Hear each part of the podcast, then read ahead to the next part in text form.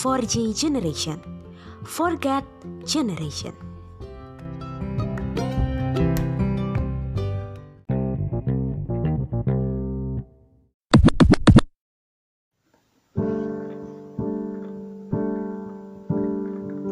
Shalom for cheers.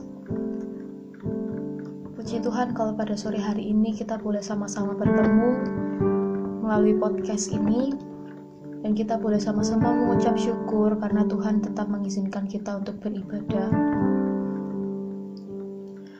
Saat ini biarlah pujian ini boleh menjadi rema dalam kehidupan kita sehari-hari. Bahwa anugerah Tuhan adalah dasar dari kehidupan kita. Dan setiap apa yang kita terima, semuanya yang terbaik dari Tuhan. Kita akan pujikan lagu ini bersama-sama.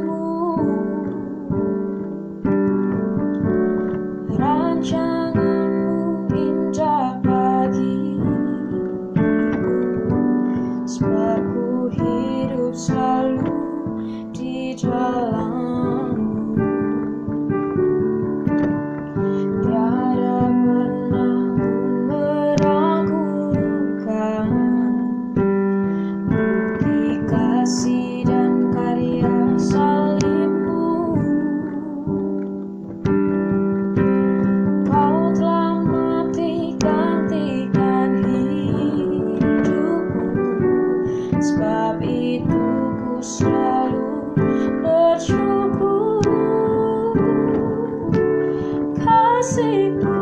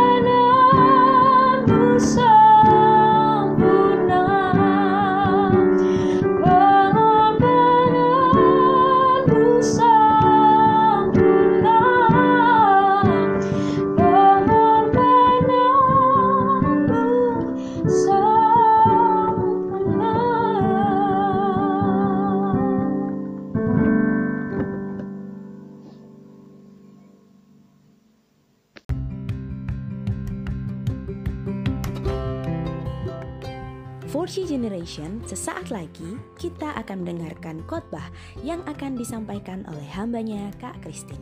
Selamat mendengarkan. Halo semuanya, salam kenal ya. Nama kakak Christine. Kak Christine diminta sharing sama Pak Hoki untuk ya sharing seputar topik Building Better Me atau membangun diri sendiri yang lebih baik. Ya, ini pertama kalinya Kak Christine sharing dalam bentuk podcast seperti ini ya. Jadi mohon maaf kalau misalnya mungkin agak gugup. Nah, tapi sebelum Kak Christine mulai, yuk kita sama-sama berdoa. Ya Bapak mengucap syukur Tuhan kalau kami boleh bersama-sama masuk ke hadiratmu ya Bapak. Meskipun kami tidak bisa tatap muka, meskipun kami nggak bisa ketemu ya Tuhan, tetapi hadiratmu tetap berada bersama kami Tuhan. Dan Tuhan sebentar lagi kami mau merenungkan firman-Mu, kami mau belajar sama-sama Tuhan. Berikan um, kami fokus dan bantu kami supaya bisa benar-benar meresapi apa yang ingin Kau um, katakan kepada kami ya Bapak. Terima kasih Tuhan atas kebaikan-Mu. Dan dalam nama Tuhan Yesus kami berdoa dan mengucap syukur. Amin. Oke. Jadi firman hari ini Kak Kristin ambil dari Markus 12 ayat 29 sampai 31. Ya Kak Kristin yakin sih kalian pasti tidak asing dengan ayat ini. Jadi waktu Kak Kristin mikir hmm, mau sharing apa ya, Kak Kristin tiba-tiba teringat kembali sama ayat ini. Jadi Kak Kristin bacakan Markus 12 ayat 29 sampai 31. Jawab Yesus. Hukum yang terutama ialah Dengarlah hai orang Israel, Tuhan Allah kita, Tuhan itu Esa. Kasihilah Tuhan Allahmu dengan segenap hatimu dan segenap jiwamu dan dengan segenap akal budimu dan dengan segenap kekuatanmu. Dan hukum yang kedua ialah kasihilah sesamamu manusia seperti dirimu sendiri. Tidak ada hukum lain yang lebih utama daripada kedua hukum ini. Nah, jadi beberapa saat lalu, kayaknya itu sebulan yang lalu, Kak Christine sempat membaca artikel tentang generasi milenial ya. Ya kita ini disebut generasi milenial, generasi Y dan generasi Z. Jadi artikel tuh membahas bahwa generasi kita ini adalah generasi yang gak sabaran. Ya, karena kita mungkin sudah terbiasa dan mau semuanya itu serba instan dan cepat. Benar ya? Kayak misalnya kita mau kirim pesan nih, itu instan lewat WA, lewat Line, kan? Mau makan juga instan. Nah, kita apa tuh yang cepat saji, misalnya McD, KFC, Riches Factory, gitu ya. Kita mau masak mie, makan mie instan, mie Indomie. Bahkan nggak cuman itu ya, kita mau pesan makanan apa pun itu sekarang semuanya instan gampang ya kan tinggal ke GoFood atau GrabFood pesan lewat HP udah nggak perlu ke tempatnya nggak perlu ngantri ya kan? Dianterin sampai rumah lagi sampai depan pintu. Sekarang entertainment pun juga instan. Sekarang kita kalau misalnya bosen bisa buka Instagram. Sekarang yang lagi ngetrend bisa buka TikTok kan? Pingin nonton-nonton bisa buka YouTube. Sekarang bahkan main game pun juga di HP kita mau belanja nih belanja pun juga instan. Kita bisa belanja online lewat HP juga Tokopedia lah, Shopee, Bukalapak, dan lain-lain. Bahkan informasi pun juga instan. Kita punya pertanyaan nggak tahu jawabannya, ya udah tinggal buka Google. Kita ketik, enter, muncullah jawaban atas pertanyaan yang kamu punya. Yang muncul bisa ratusan bahkan ribuan ya kan. Jadi teknologi dan gadget ini perkembangannya itu begitu cepat dan luar biasa. Coba bayangin deh 10 tahun yang lalu, HP masih mahal, nggak semua orang tuh punya HP tapi sekarang itu ya hampir semua orang tuh punya HP malah kebanyakan dari kalian saat ini mendengarkan Kak Christine lewat HP betul kan ya? Ah coba deh gimana ya caranya kita bisa hidup tanpa HP kita ini ya tanpa gadget ini? Coba deh sekarang itu ya kalau misalnya pagi-pagi nih yang dicariin itu pasti HP kan? Terus kalau misalnya HP-nya udah ketemu yang dibuka ya biasanya apa? Sosial media lihat Instagram kan? Di scroll lihat weh ini temen lagi ngapain ya? Gitu. Ada update apa ya? Biar selalu update nih ceritanya. Ya di sini kak Christine sih bukan bermaksud bilang kalau gadget teknologi sosial media itu jahat loh ya gitu. Karena itu semua tergantung bagaimana kita menggunakannya. Lagi pula tujuan gadget kita dibuat itu kan supaya hidup kita bisa lebih mudah Kan semuanya itu bisa dilakukan di dalam satu genggaman dengan sangat cepat. Dan tujuannya sosial media itu kan juga supaya kita bisa connect dengan teman-teman kita meskipun jauh. Ya kayak sekarang ini. Eh, Kak Kristin nggak bisa tatap muka dengan kalian, tapi Kak Kristin tetap bisa sharing dengan kalian. Ya, itu bagus. Nah, tetapi pertanyaannya adalah dampaknya pada kita ini apa?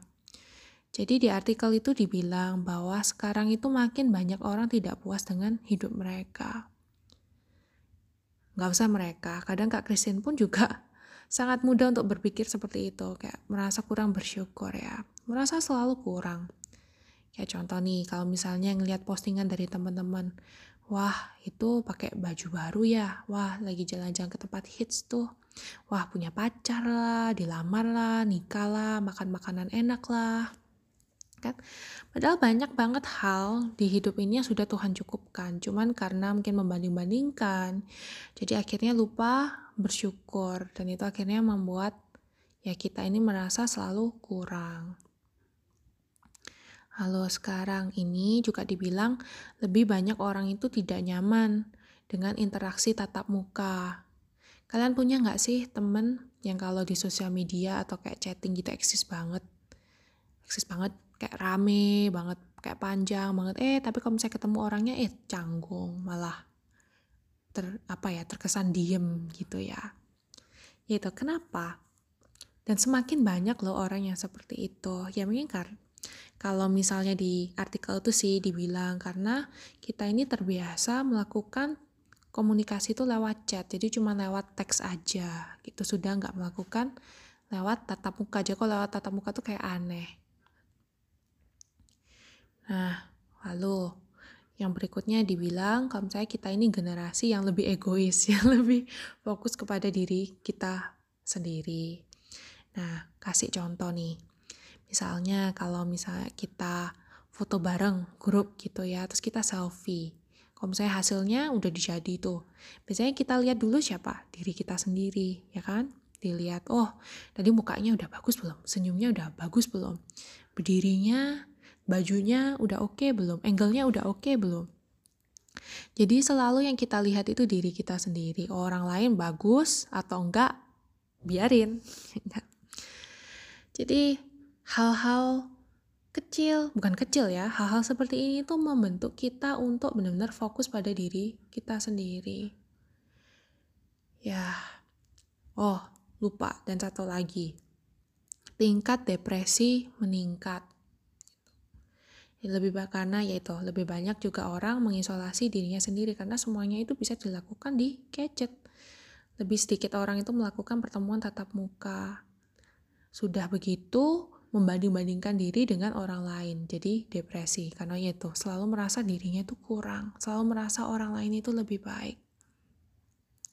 Coba ya bandingkan dengan generasi bapak ibu kita, mungkin kayak 20 tahun yang lalu. Orang nggak ada HP. Kalau misalnya mau main ya keluar, ya ketemu orang. Ya kan? Tapi sekarang semuanya bisa dilakuin di kamar, tanpa ketemu orang. Ya, kalau misalnya dipikir seperti ini ya sedih ya semuanya itu ada bagus, ada jeleknya. Ya, tergantung kita memanfaatkannya gimana. Cuman mungkin dampak yang benar-benar besar itu adalah hal-hal seperti ini tuh membentuk kita untuk fokus kepada diri kita sendiri. Nah, kenapa kok Kak Christine cerita tentang ini? Kita kembali ke ayat tadi itu ya. Mungkin kita sudah sering banget dengar ayat itu, oh oke okay lah, kasihilah Tuhanmu, kasihilah sesamamu, gitu. Mungkin kalian bahkan sudah hafal. Tetapi pertanyaannya itu adalah apakah kita sudah benar-benar menghidupi ayat itu?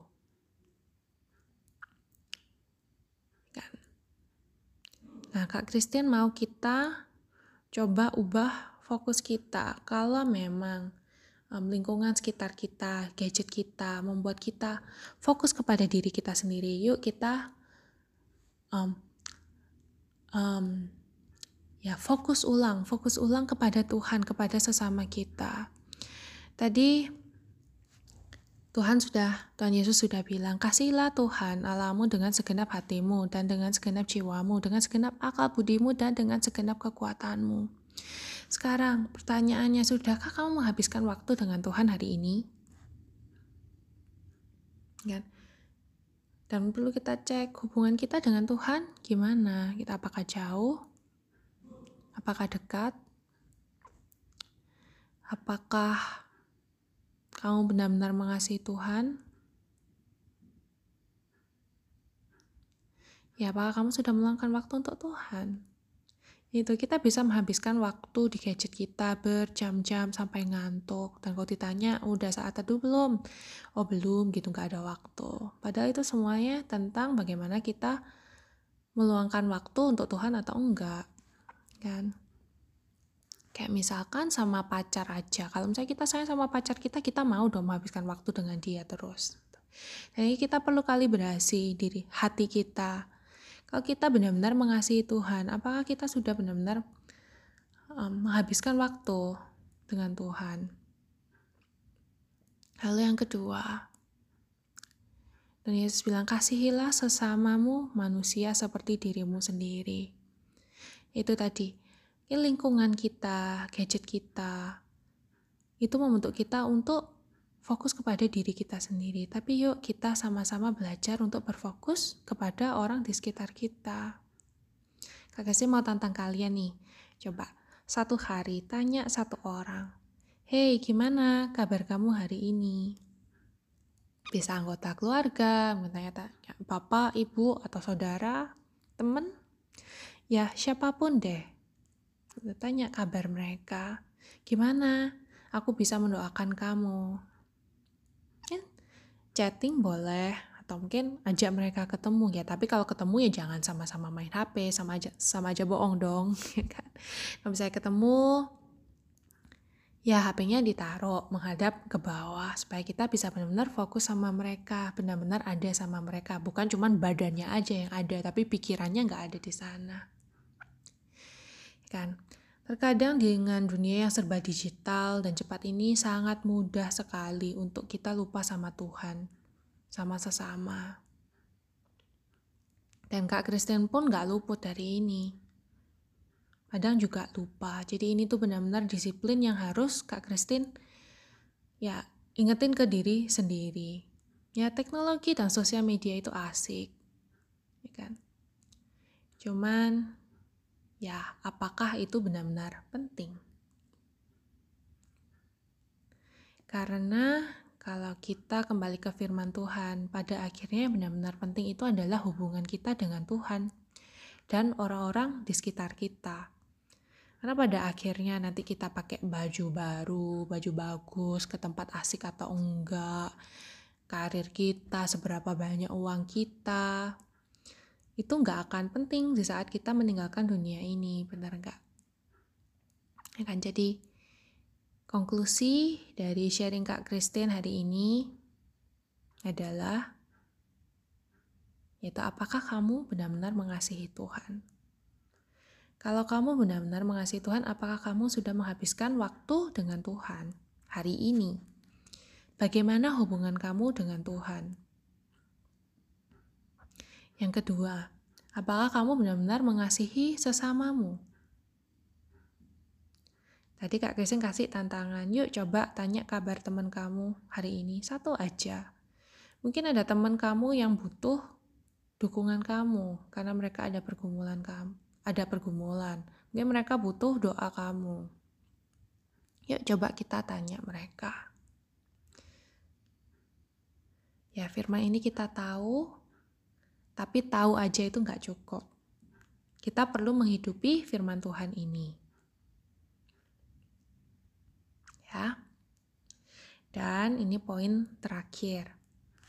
Yang tadi Kak Kristen sempat bilang di awal kalau misalnya generasi kita ini akhirnya banyak yang depresi lah kan terus banyak yang tidak um, apa tidak puas dengan hidup mereka lah kita lupa bersyukur ya kita coba setiap hari nih disiplin oh tiga hal apa yang aku syukuri hari ini itu karena sangat mudah untuk kita tuh fokus kepada hal-hal yang kita tidak punya daripada hal yang kita sudah punya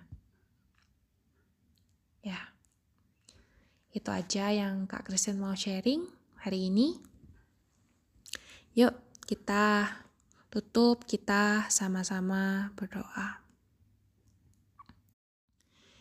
Ya Bapak, mengucap syukur Tuhan kalau hari ini kami boleh diingatkan kembali Tuhan bahwa hal terpenting adalah untuk mengasihi Engkau Bapa dan mengasihi sesama kami. Tuhan, kami sadar bahwa sangat mudah untuk kami lupa. Sangat mudah untuk kami berfokus kepada diri kami sendiri, Tuhan. Ajar kami, Tuhan, untuk kami bisa mengasihi Engkau lebih lagi.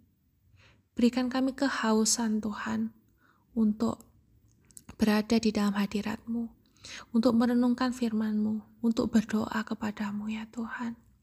Ajar kami Tuhan untuk dapat mengasihi sesama kami lebih lagi Tuhan.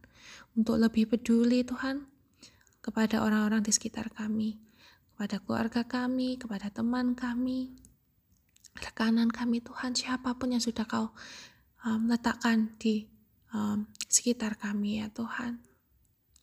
Tuhan ajar kami untuk bersyukur. Kadang sangat mudah untuk kami berfokus pada hal yang kami nggak punya. Tuhan, padahal Kau sudah memberikan kami cukup. Terima kasih ya Tuhan untuk firman-Mu hari ini. Mengucap syukur Tuhan atas apa yang sudah kau lakukan dalam hidup kami. Dalam namamu, Tuhan Yesus, kami berdoa dan mengucap syukur. Amin.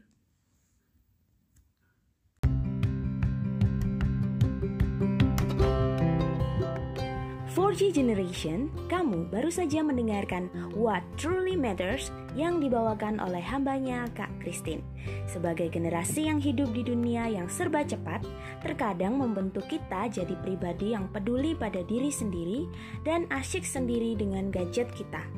Dengan dunia yang serba digital, membuat kita sering lupa dengan perintah Tuhan yang terutama, yaitu mengasihi Tuhan dan sesamamu manusia seperti dirimu sendiri. Bagaimana relasimu dengan Tuhan? Apakah sudah meluangkan waktu dengan bersaat teduh, berdoa, dan membaca Alkitab? Bagaimana relasimu dengan sesama? Apakah kamu sudah menanyakan kabar dari keluarga, saudara, teman?